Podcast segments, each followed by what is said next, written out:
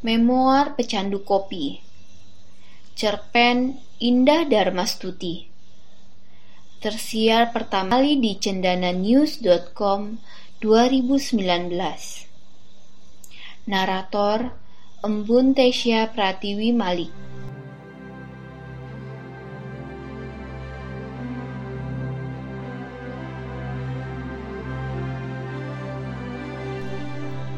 Dari aromanya, Dewangga menebak, ini pasti Wamena arabica.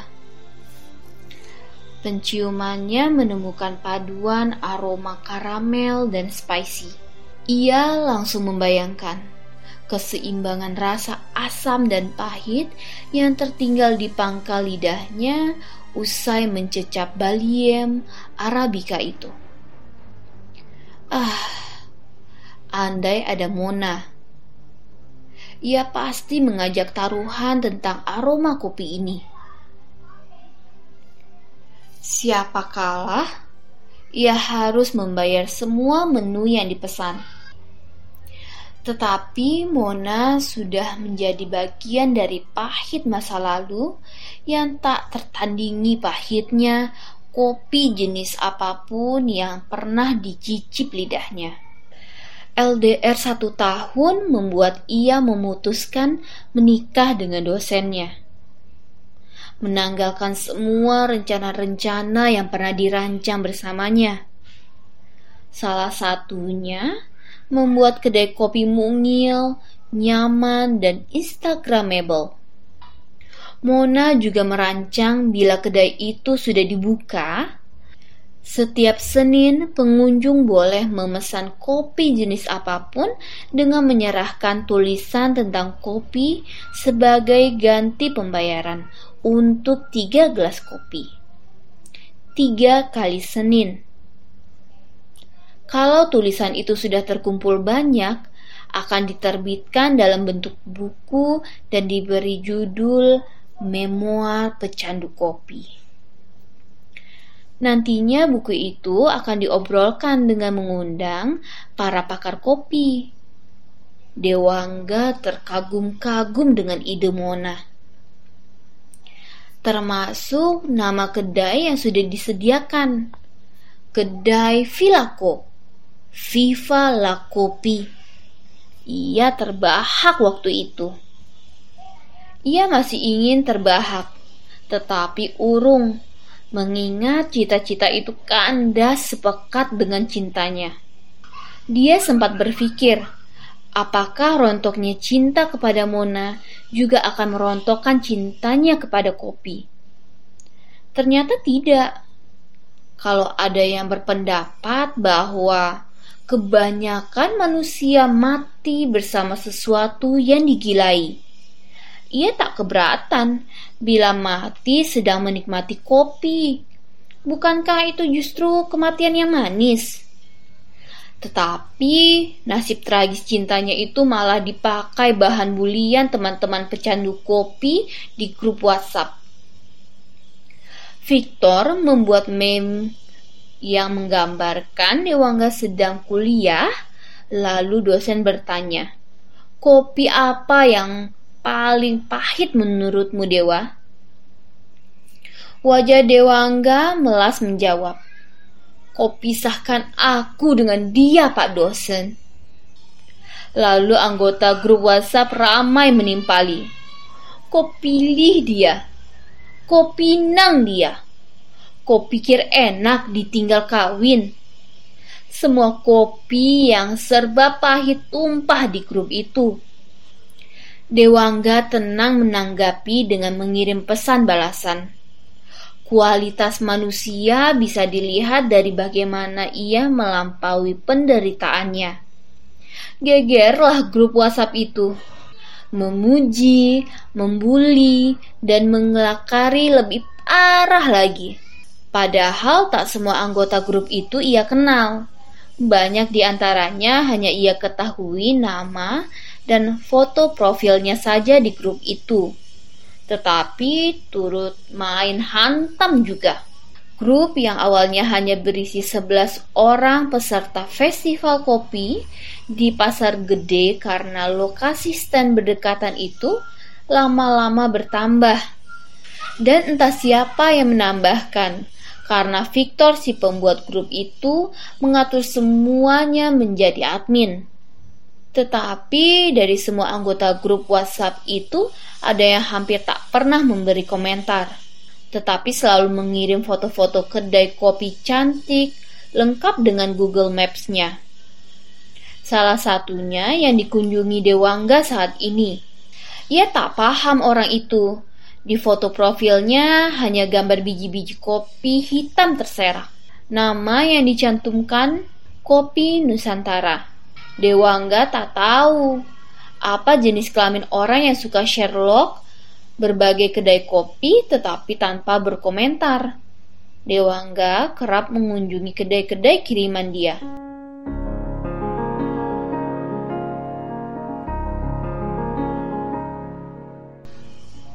Malam masih muda ketika ia memilih bangku tak jauh dari rak kayu jati tua tanpa pelitur. Ia memamerkan toples-toples kaca berisi biji-biji kopi setelah memesan Arabica Toraja. Ia ingin memberi hadiah kecil untuk dirinya. Setelah menyelesaikan teks terjemahan jurnal ilmiah job dari kawannya. Dari tempat duduknya, ia membaca deretan nama jenis kopi yang ditempel di toples. Barangkali ada tambahan jenis baru Gayo, Toraja, Kintamani, Flores, Jawa, Luwak, Wamena, Sidikalang. Tidak ada. Masih seperti sebelumnya. Kopi unggulan yang terus-menerus dibicarakan para pecandu kopi termasuk di grup WhatsApp yang diikutinya. Semua yang ada di rak itu sudah dicicip lidah Dewangga. Tetapi yang menjadi kelangenan adalah kopi Toraja. Keasaman rendah dan dominan rasa coklatnya sungguh memikat. Kerap membangkitkan kangen untuk menikmati bahkan saat ia seorang diri seperti malam ini. Ia membuka ponsel. Jempolnya menggeser-geser layar lalu membacai pesan yang masuk di grup Kopi Yuk bikinan Victor. Tak ada pesan baru. Lalu iseng ia mengirim pesan pribadi ke Kopi Nusantara. Kedai kopi yang Anda merekomendasikan sangat bagus. Serasi sekali dengan lingkungannya. Di halaman bangunan tua di kota Bengawan, dekat pohon terembesi. Oh, Anda sudah ke sana? Sudah, bahkan malam ini aku juga di sini. Serius? Iya. Kirimi fotonya dong. Dewangga tersenyum. Kalau dilihat gaya bahasa dan emotikon yang dikirim, intuisi Dewangga mengatakan, Kopi Nusantara adalah perempuan. Ia segera membuka aplikasi kamera, lalu memotret beberapa sudut yang ia pandang bagus termasuk meja kerja di mana seorang barista laki-laki muda sedang memproses espresso secara manual. Dewangga tersenyum pada perempuan manis mengenakan setelan blue jeans dan kaos hitam duduk di belakang meja kasir. Empat gambar ia kirim dan segera mendapat balasan persis ketika kopi Toraja pesanannya disajikan. Dewangga membawi aroma Toraja sambil memejam mata. Seolah ia ingin menyimpan baik-baik aroma itu ke dalam seluruh pori-porinya.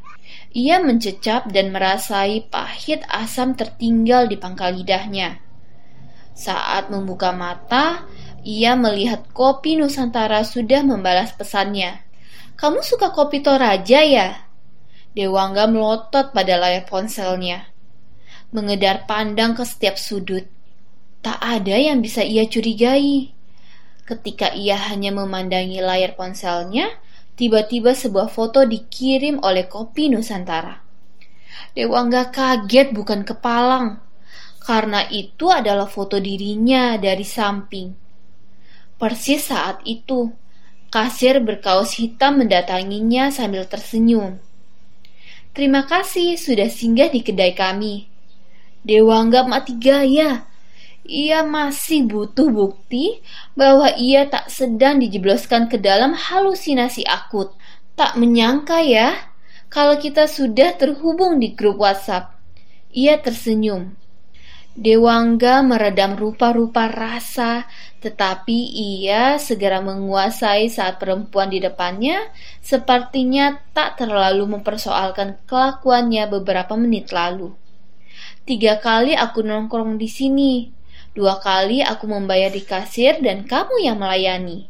Dan selalu sendiri, tawa Dewangga pahit tak kalah dengan Robusta Gayo.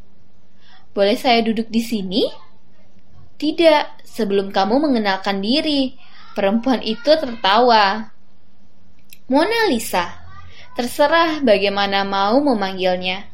Katanya sambil menarik kursi dan duduk di hadapan Dewangga yang buru-buru menyeruput kopi untuk menyembunyikan gugup karena nama yang disebutnya. Bagaimana Toraja? Selekasnya Dewangga menguasai kekacauan dalam hatinya. Itu salah satu yang aku candui karena paduan antara aroma, rasa asam, dan pahitnya begitu magis. Perempuan itu tertawa mendengar komentar Dewangga. Bagaimana menurutmu Lisa? Karena kamu hampir tak pernah memberi komentar selain mengirim foto-foto. Tawa Lisa mereda. Semua kopi yang aku taruh di rak itu jenis unggul. Kamu pasti tahu itu. Semua nikmat, Toraja dan Gayo digemari banyak lidah Eropa. Tetapi yang paling aku suka adalah kopi lanang. Itu termasuk langka, potong Dewangga. Iya, bagi lidahku, jenis ini yang tertinggi. Berkata begitu, ia lalu melambaikan tangan pada barista muda. Minta tolong ambilkan kopi lanang yang tadi baru datang ya. Barista itu mengacungkan jempol dan berlalu seiring intuisi Dewangga menarik kesimpulan bahwa Lisa adalah pemilik kedai kopi ini. Sebenarnya soal rasa memang selera, tapi soal kopi lanang temanggung itu yang paling unik menurut lidahku. Lebih pekat tetapi berasa lembut tekstur padat, dan aroma mendekati kopi luwak. Tetapi kopi lanang kandungan kafeinnya lebih tinggi, sekira 2% dari kopi biasa kan? Lisa mengangguk tertawa kecil. Ya, mungkin juga aku suka karena kopi itu sungsang. Dewa mengangguk. Ia tahu yang dimaksud Lisa. Kopi lanang kerap disebut kopi sungsang anomali karena tidak optimal penyerbukan, malnutrisi saat pembuahan. Ya, bisa dibilang kelainan genetika. Maka bijinya bulat utuh, monokotil, tidak terbelah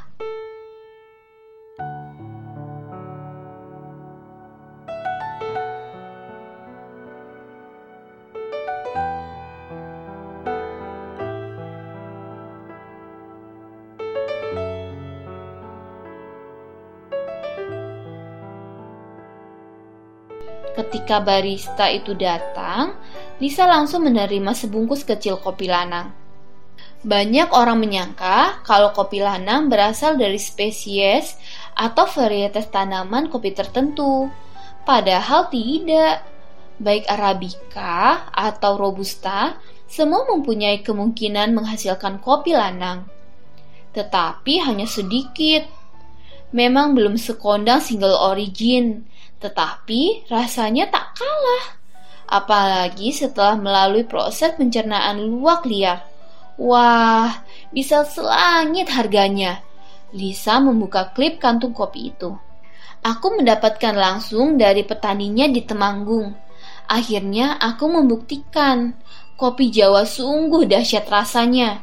Meski di daerahku juga memiliki kopi jenis unggul, katanya sambil mendekati biji-biji kopi itu kepada Dewangga.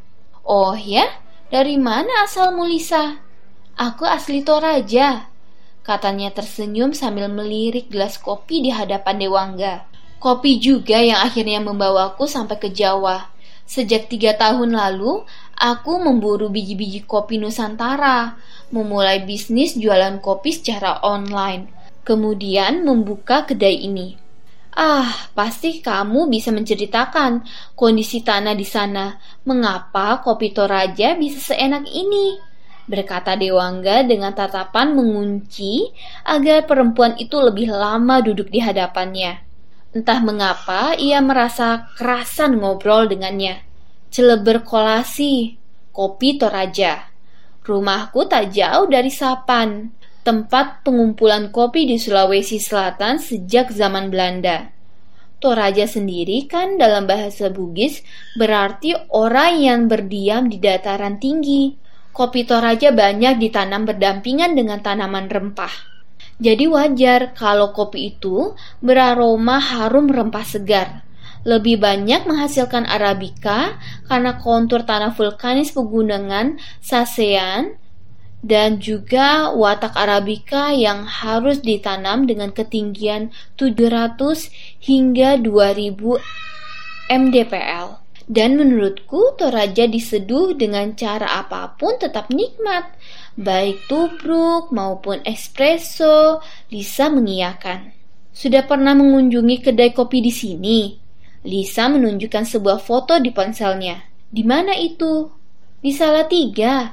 Pingin mencoba? Mau. Kalau ada yang memberiku kuliah tentang kopi Toraja, Lisa tersenyum. Mungkin minggu depan aku baru bisa. Aku akan kabari. Tak masalah. Lagi pula ada kedai ini kalau aku kepingin ngopi. Terima kasih. Senang bisa ngobrol langsung dengan pemiliknya. Bertemu dengan cara mengejutkan. Dan lucu. Ternyata Toraja tak hanya mempunyai kopi yang unggul, tetapi juga mempunyai kamu yang ramah dan asyik pesan Dewangga via WhatsApp untuk orang yang ada di hadapannya. Lisa membuka ponselnya lalu tersenyum. Saat itu Dewangga mendapat balasan emotikon perempuan menari bergaun merah. Dewangga mengetik lagi, "Can't wait to get coffee with you." Lisa mendongak. Mereka bertukar isyarat. Dewangga melihat kedalaman mata sewarna biji kopi. Ketika menandaskan Toraja Arabica, ia tahu hatinya tak sunyi lagi.